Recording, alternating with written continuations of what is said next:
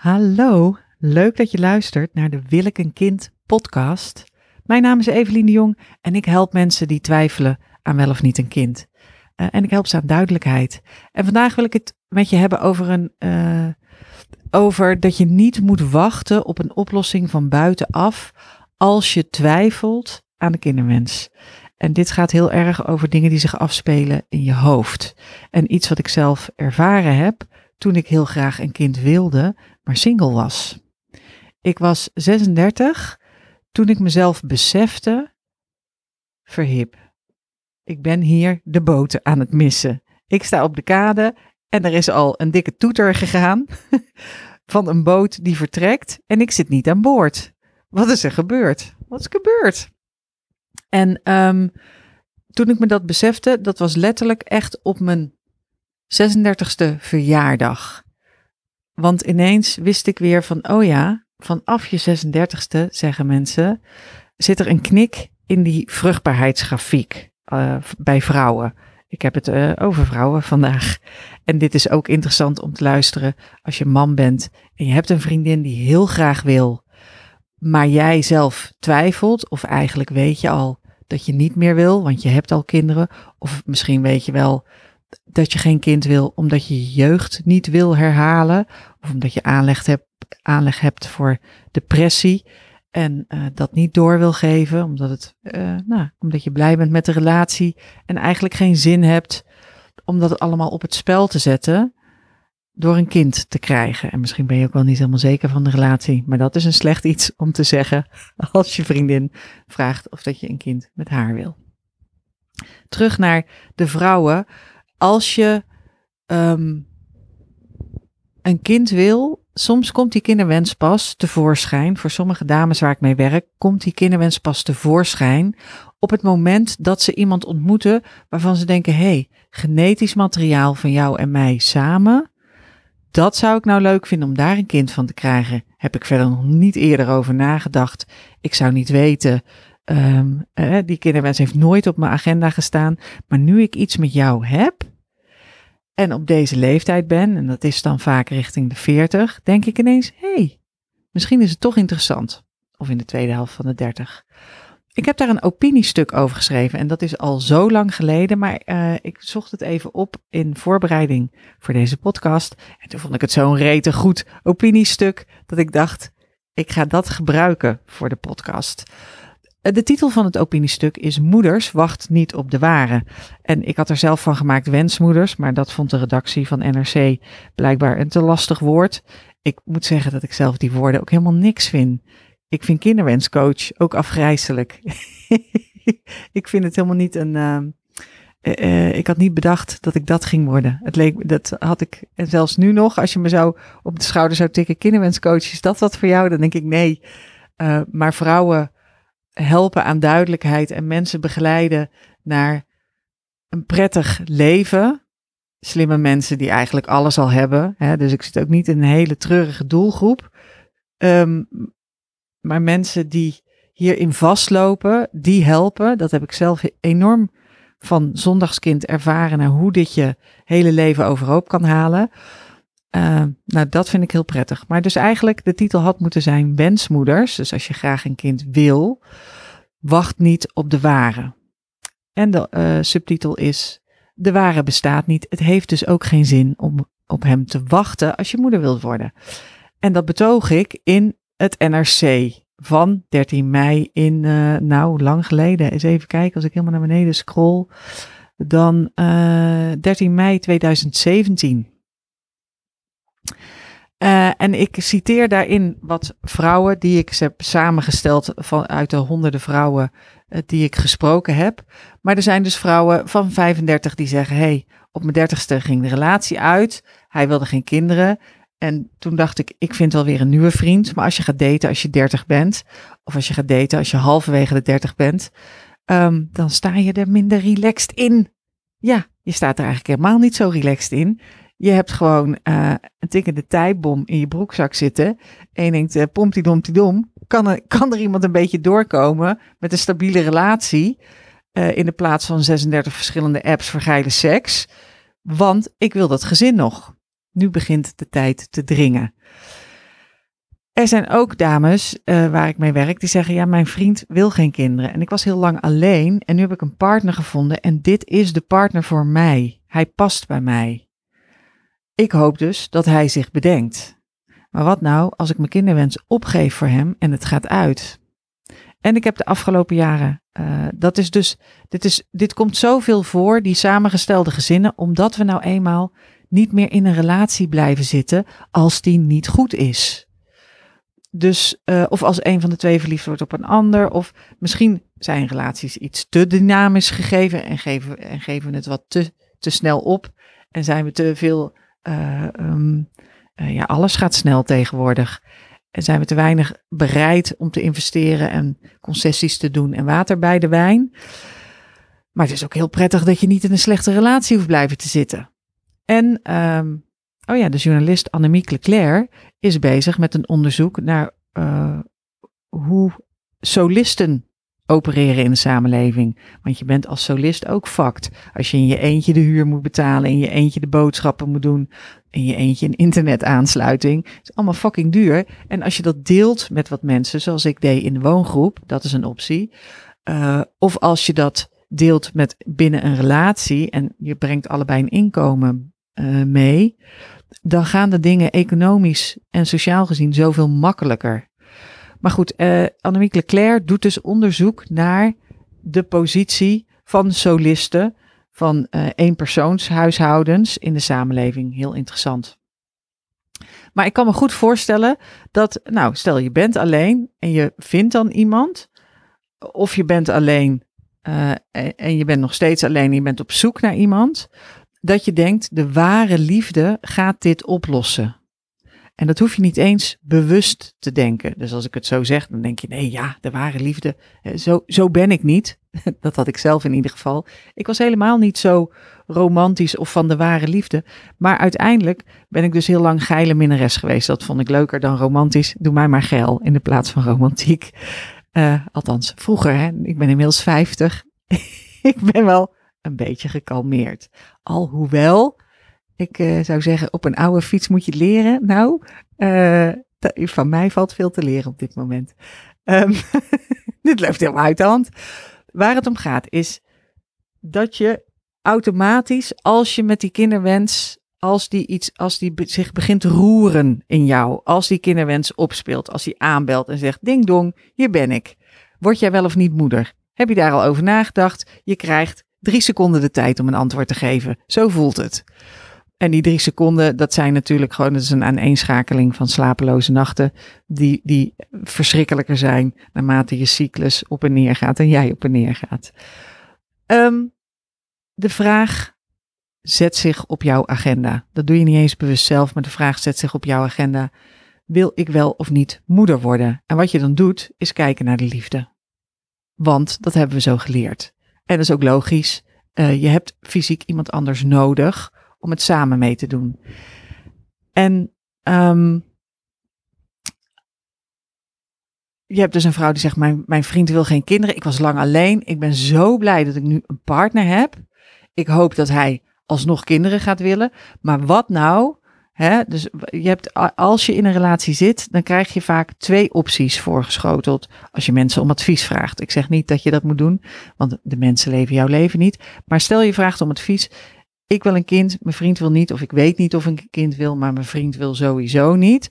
Wat zal ik doen? Dan zeggen de mensen, nou, um, of accepteer dat je geen kinderen krijgt, laat het los, of ga bij hem weg. Dat zijn de twee smaken. Of bij hem blijven kinderwens opgeven, of weggaan. En uh, ja, dan ben je ook fucked, want dan moet je alsnog iemand vinden om die kinderwens mee te gaan vervullen. Uh, maar, uh, en volgens mij zit er heel veel tussenin. En het allerbelangrijkste bij dit vraagstuk, deze levensvraag, is de factor tijd. En um, waar ik ook uh, heel erg op coach, is dat mensen dit in een soort prototype setting, dat ze daar gaan draaien aan knoppen. Dus dat je gaat kijken, en dat is heel raar om dat te zeggen voor een kinderwens, dat besef ik mezelf wel. Want uh, bij een prototype, dit is iets wat ontwerpers doen, die maken iets Stel je maakt een fluitketel en je denkt, nou, hoe functioneert deze fluitketel? Als ik hem op het vuur zet, zit water in, het kookt.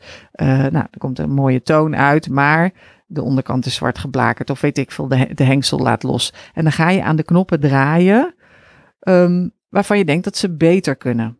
Nou, bij de kinderwens is dat lastig, omdat je um, denkt dat de knop waar je aan moet draaien altijd de liefde is. Dat betoog ik dus in dat stuk. Het is niet altijd de liefde. En kijk, als jij je kinderwens voor iemand opgeeft, dan blijft er dat. Dat kun je, dat kun je maar op één manier doen. Je, één goede manier. Je kan het op heel veel manieren doen. Er is maar één manier die ik goedkeur als coach. Als jij uit jezelf zegt: deze relatie betekent zoveel voor mij, past zo goed in mijn leven, is zo belangrijk voor mij, dat ik liever deze relatie heb dan dat ik uh, moeder word. Dus, mij, dus ik kies ervoor zelf om uit vrije wil deze relatie belangrijker te laten wegen, zwaarder te laten wegen, belangrijker te maken dan mijn onvervulde verlangen naar een kind. Voordat je dit kunt zeggen, oeh, ik gooi bijna een lamp om. Voordat je dit kunt, ik sta te zwieren met mijn handen.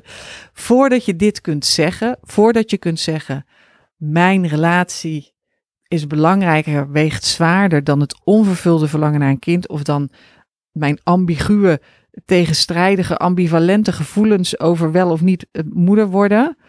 Voordat je die afweging kunt maken, heb je heel veel werk te doen in jezelf. Moet je in jezelf gekeken hebben.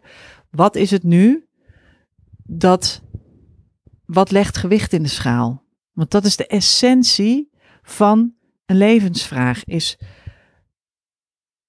wat geef ik gewicht? Wat geef ik? Wat is voor mij belangrijk?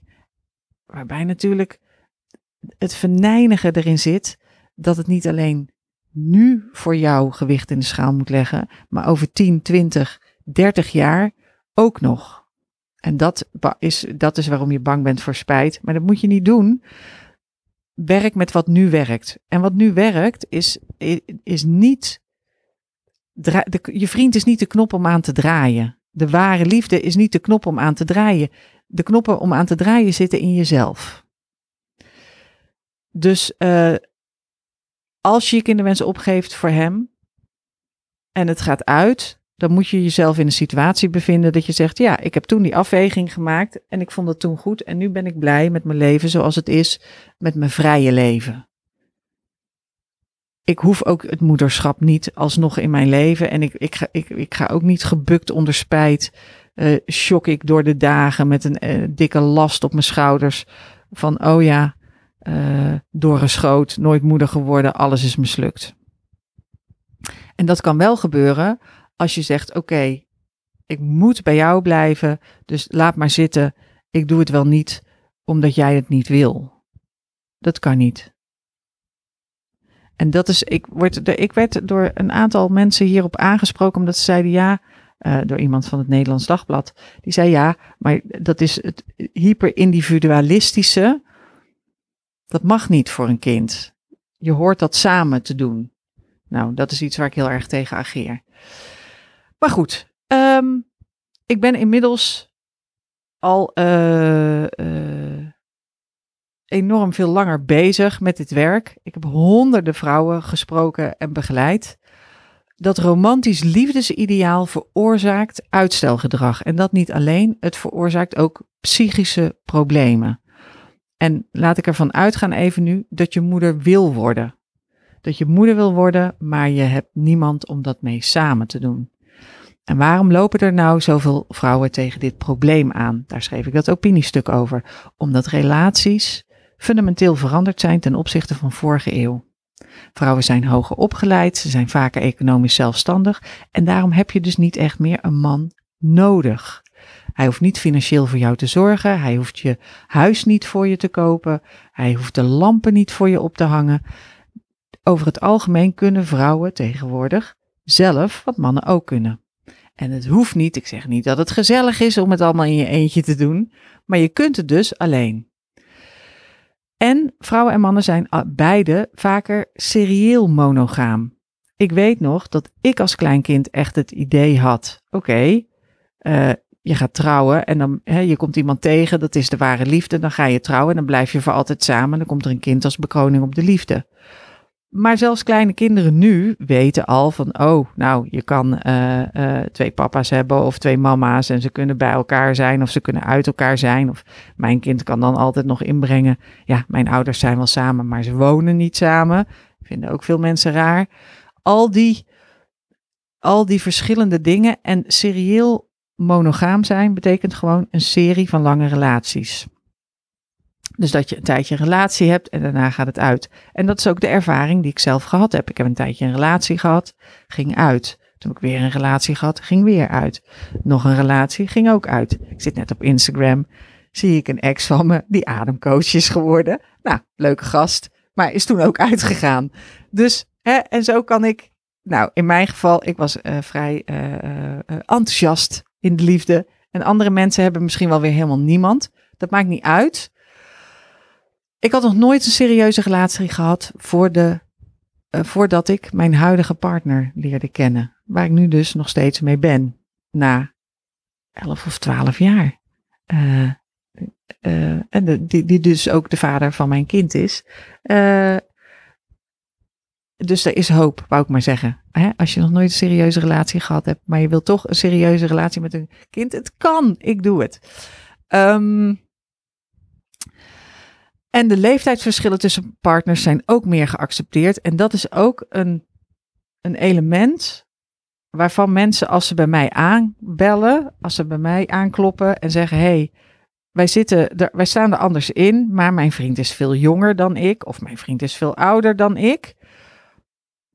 Dan heeft die leeftijd, die fase in het, waar ze in hun leven zitten, heeft daarmee te maken. Die, dus relaties over het algemeen zijn veel vrijer geworden, veel dynamischer geworden, gelijkwaardiger geworden. En dat is heel prettig, maar dat maakt ze dus minder stabiel en minder het geëikte pad om binnen een gewone relatie een kind te krijgen. En het kan wel, hè. Mijn ouders hebben bijvoorbeeld altijd beweerd: kom naar Bergen op Zoom, ga lekker in Bergen op Zoom wonen. In Bergen op Zoom doen de mensen niet zo raar. Daar komen ze gewoon een geliefde tegen en dan gaan ze trouwen, samenwonen, krijgen ze kinderen. En dan zitten ze bovendien hier in de buurt. Hè? Dus nu zou het handig zijn voor de mantelzorg. Maar ik zit nog steeds in Amsterdam. Um, en dus niet in hetzelfde huis als mijn vriend. En mijn moeder vindt dat, denk ik, tot op de dag van vandaag. Weet ik niet, mam, of je luistert. Uh, toch een beetje vreemd. Maar inmiddels begrijpt ze het ook wel, want het is al tien jaar de situatie. Uh, dat is niet eens het grootste probleem. Dus die fundamentele verandering, dat relaties fundamenteel anders zijn dan de periode waarin jouw ouders een relatie kregen. En gek genoeg, je denkt dat je je uh, vergelijkt met de mensen om je heen, maar onbewust kijk je naar wat je ouders gedaan hebben en is dat je wat je met je meedraagt intuïtief vanuit je jonge jeugd. Dus onbewust denk je van, oh ja, maar mijn ouders die zijn toch nog, uh, uh, die zijn in de vorige eeuw samengekomen. En toen was het ook echt nog anders, alhoewel toen de scheidingspercentages natuurlijk ook al opliepen. Het grootste probleem van relaties in de 21ste eeuw is niet zozeer dat aspect, als wel de obsessie voor de ware liefde en de onrealistische verwachtingen die je daardoor van je partner hebt. En daarin zie ik heel langzaam uh, dat het verbetert.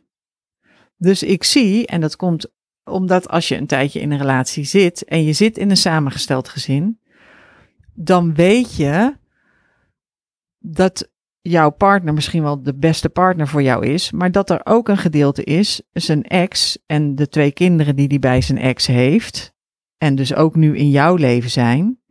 Dat is, ja, dat is niet hoe jij de ware had uitgetekend. En natuurlijk is het een cadeautje en natuurlijk doe je je best om ook een goede uh, stiefmoeder te zijn of bonusmoeder of uh, plusmoeder of uh, nou, een beetje wat minder beladen term dan stiefmoeder, want er zit nog steeds een beetje iets kwalijks aan. Maar um,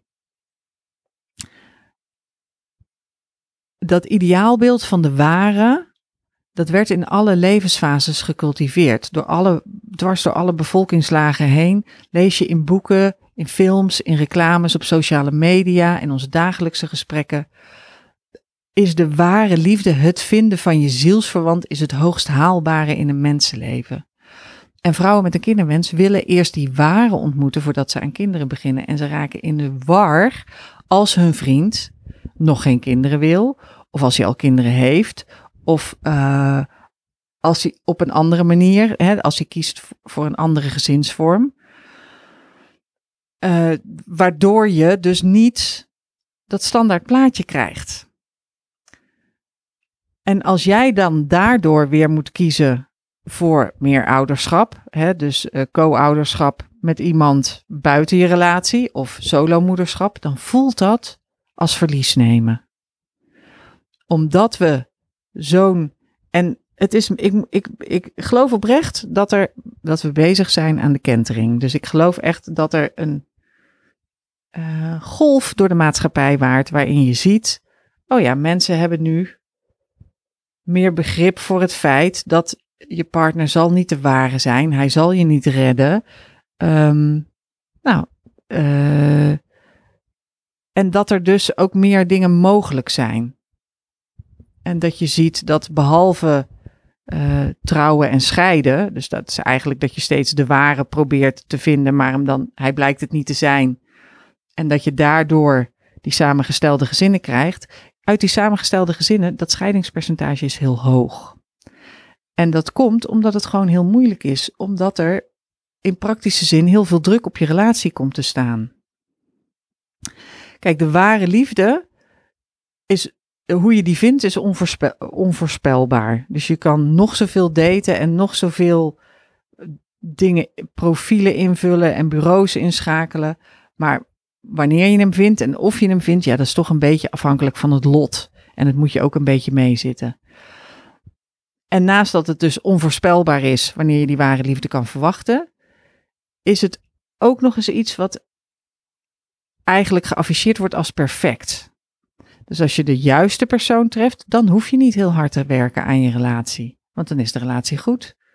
Is de relatie niet goed, ja, dan is het dus niet de juiste persoon.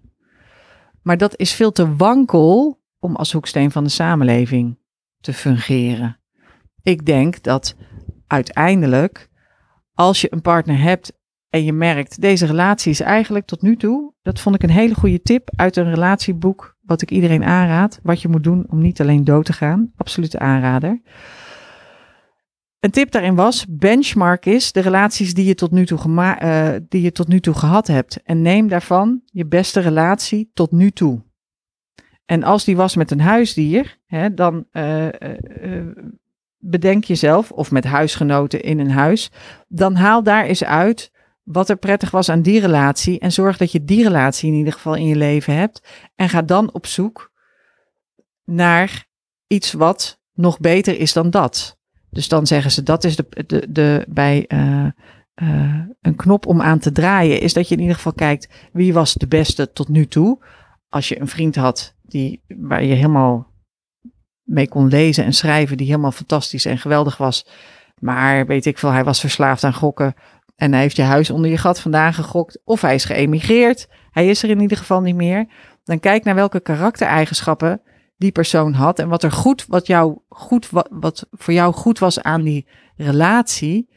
Om dan, daarvan weet je dat het in de realiteit bestaat. En of dat je dat dan weer opnieuw kan krijgen. Als je in een relatie zit en jullie zitten er niet hetzelfde in als uh, voor de kinderwens dan laat die relatie even los en concentreer je op, op jezelf en op wat jij dus daarmee moet of kan. Ook als hij wel al een kind heeft en jouw kinderwens is nog onvervuld, dan, gaat, dan zeg toch tegen hem: Ik ga dit voor mezelf uitzoeken. Ik ga voor mezelf kijken wat ik wil. Ook al is dit nog een onvervulde droom. Maar het is niet zo dat omdat zijn kinderen al bestaan, dat ze liever en belangrijker en meer gewicht in de schaal leggen dan jouw verlangen naar het moederschap. Als dat voor jou een essentieel verlangen is. Want je kunt dat net zo min zomaar naast je neerleggen, ook al is het niet iets wat je beet kan pakken. dat geloof in de ware heeft hele grote consequenties.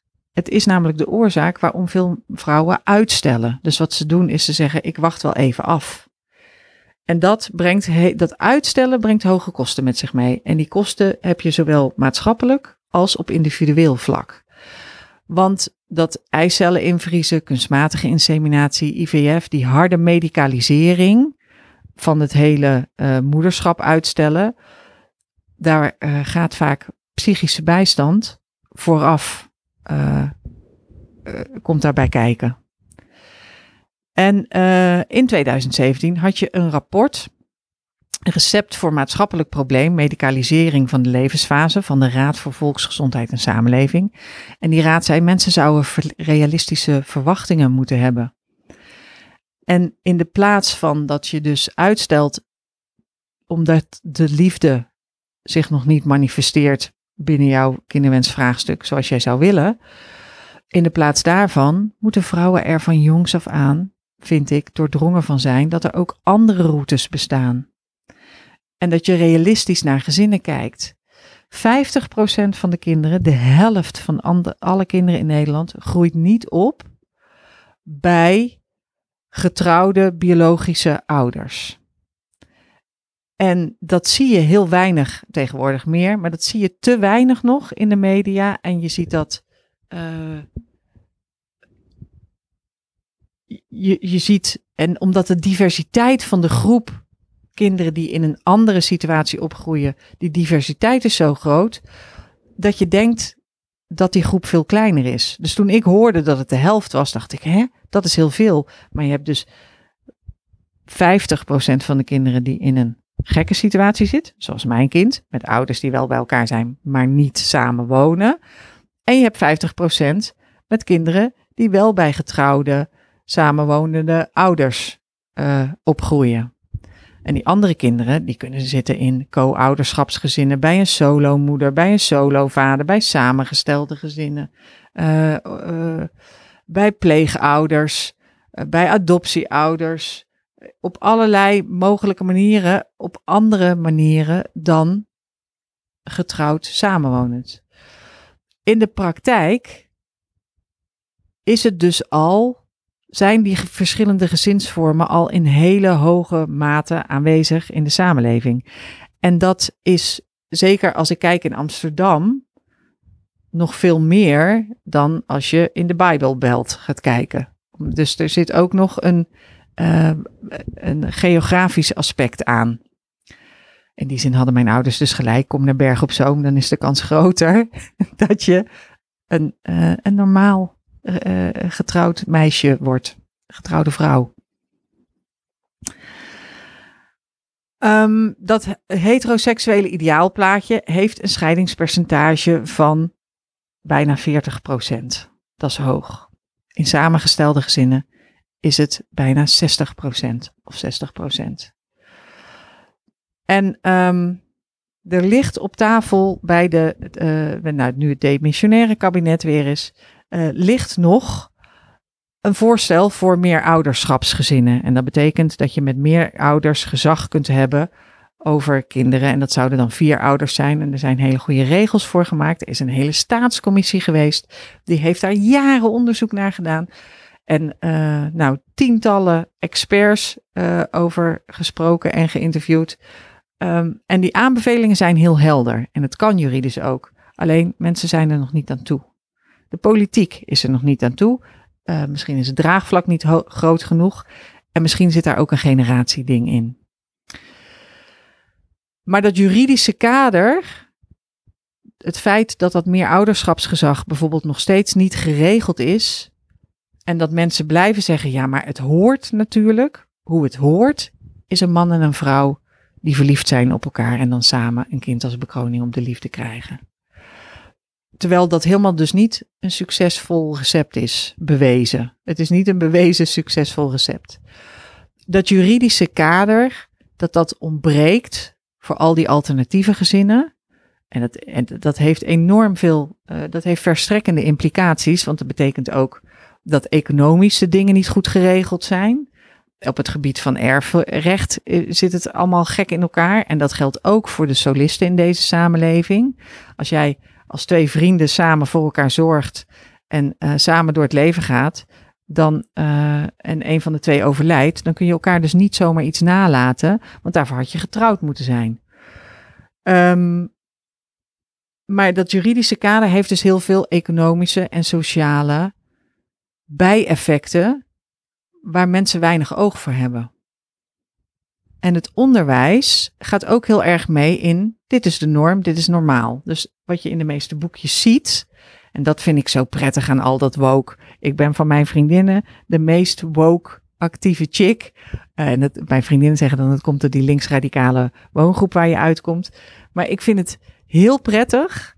En ik denk ook dat het nodig is om het kader open te breken. Dat we even radicaal de andere kant op gaan. En dan zien we wel waar we uiteindelijk uitkomen. Maar voor nu radicaal de andere kant op. Ik ben ook zo. Uh, uh, alles wat ik lees over de kust. De Spanjaarden hebben net de Wereldcup gewonnen.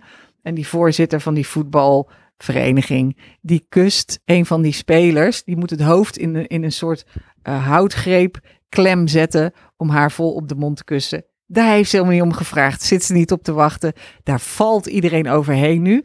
En hij blijft maar zeggen: Nou, waar gaat het over? Uh, ze vonden het hartstikke leuk en lekker. Het is hila Nou, het is treurig. Het is intens treurig. Maar um, ik moet lachen van het ongemak, van de cringe, denk ik. Ik ben blij met woke. Eigenlijk geldt woke dus ook voor je kinderwens. Want dat is het. Uh, en ook dus in het onderwijs moet je weten, oké, voor seksuele voorlichting. Ik, ik, ik zag een uh, ooit een, uh, op het NOS-journaal een item van Bel Barb, die uh, seksuele voorlichting zei. En dit ging over seksuele voorlichting. En zij zei: Het is natuurlijk hartstikke goed dat meiden leren dat je kunt genieten van seks. En dat het leuk is en fijn is om seks te hebben. En ik was daar zo door uh, flabbergasted, verbijsterd. Ik dacht, hè? Wat een goede opening. Natuurlijk. Maar ik heb dat nooit zo gehoord. Seks was gevaarlijk, je kon er zwanger van worden. Dat moest je zien te voorkomen. En je kon er zowas van krijgen en dan kon je nooit meer zwanger worden. Moest je ook zien te voorkomen. Uh, dus seks was eigenlijk helemaal niet iets waar vrouwen van, of meiden van mochten genieten. Of iets wat ze mochten nastreven.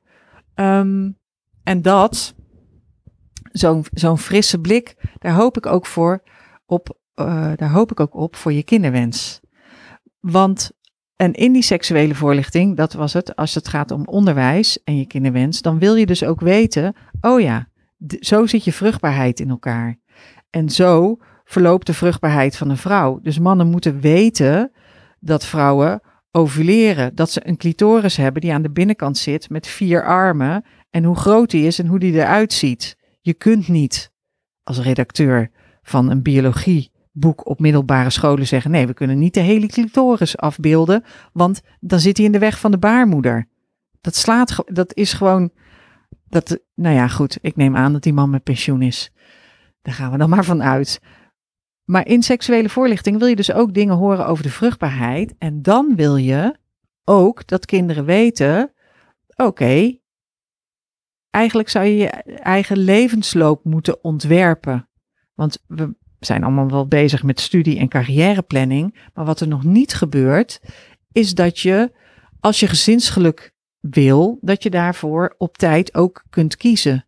Zonder naar die ware uit te kijken. En je mag van mij best op zoek blijven naar de ware. Alleen koppel hem los van die kinderwens. En kijk daarvoor Oh, kan ik dat niet met een goede vriend samen doen? Of kan ik dat niet binnen deze relatie die niet ideaal is, maar die eigenlijk wel om samen een kind op te lossen? Er komt binnenkort een heel leuk boek uh, vrij, uh, uh, wordt er gepresenteerd. Zal ik dan meer over vertellen. Van een vrouw die gescheiden is van haar man maar die samen nog in één huis wonen. En hij heeft een verdieping, zij heeft een verdieping, er is een tussenverdieping. En op de tussenverdieping zitten de kinderen. En zij is trouwens niet gescheiden, zij zijn uit elkaar, maar zij zijn gewoon nog getrouwd gebleven voor de kinderen. Keur ik ook goed, als het maar anders is. Nee, je mag voor mij ook gewoon gelukkig getrouwd zijn. Ik sluit niet uit. dat is een grapje tussen mijn lief en mij. Ehm, maar eh, dat is dus, eh, als ik nou even de laatste alinea lees van het opiniestuk. Onze samenleving moet aandacht hebben voor en ruimte bieden aan alle gezinsconstructies. Het moet net zo gewoon worden de eigen levensloop te ontwerpen als het is om de eigen carrière te plannen. We moeten er met z'n allen van doordrongen raken dat je kunt kiezen voor gezinsgeluk op tijd, ook als het liefde op zich laat wachten. Maar bovenal hebben we realistische verwachtingen van de liefde nodig. Dat het normaal is om romantiek, relatie en realiteit in één zin te zetten. Het hoogst haalbare in je mensenleven is niet afwachten tot je gepassioneerd omver wordt geblazen door Don Juan, of leidzaam afwachten totdat hij wel kinderen wil. Het hoogst haalbare is een werkbaar liefdesideaal voor iedereen. En dat wilde ik vandaag in deze podcast naar voren brengen. Dat dat werkbare liefdesideaal is één ding. En jouw onvervulde kinderwens, of jouw latente kinderwens, of het kinderwensvraagstuk in jouw leven, is een ander ding. En dat moet je dus echt, los van de liefde, voor jezelf, moet je daarmee in het reinen komen. Ik hoop dat je iets gehad hebt aan deze podcast. En als je uh, googelt, ik weet niet of dat ik het nou kan lezen, omdat ik zo'n uh, digitaal abonnement heb op het NRC. Eh, de titel van het opiniestuk is Moeders wacht niet op de ware. Ik zal het ook nog even delen op LinkedIn. Je kan me volgen op LinkedIn. Evelien de Jong wil ik een kind. Ik, weet, ik heet gewoon Evelien de Jong en dan wil ik een kind. En dan, dan zie je me op, kom je me op LinkedIn tegen. Tot de volgende podcast.